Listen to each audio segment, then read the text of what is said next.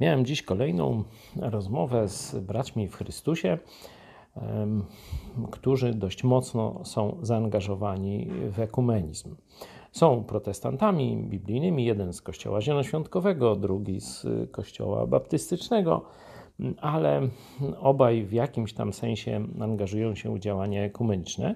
No i dyskutowaliśmy, jaki jest tego owoc, czy to się Bogu podoba, czy nie.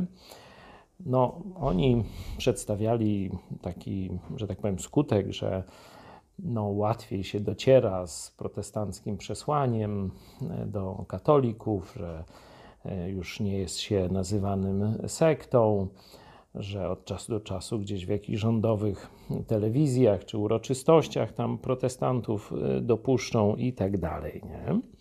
Ja z kolei akcentowałem, że głównym celem naszego e, przesłania e, i wychodzenia z przesłaniem Jezusa do katolików jest to, by oni zrozumieli Ewangelię o darmowym zbawieniu, a dokładnie, żeby zrozumieli, że jeśli trzymają się nauk katolickich, o tym, że do zbawienia konieczne są sakramenty i dobre uczynki oraz jakieś wytrwanie bliżej nieokreślone w wierze czy w kościele, to idą do piekła, bo zbawiony jest tylko ten, kto całkowicie i jedynie zaufa Jezusowi Chrystusowi co do swojego e, zbawienia.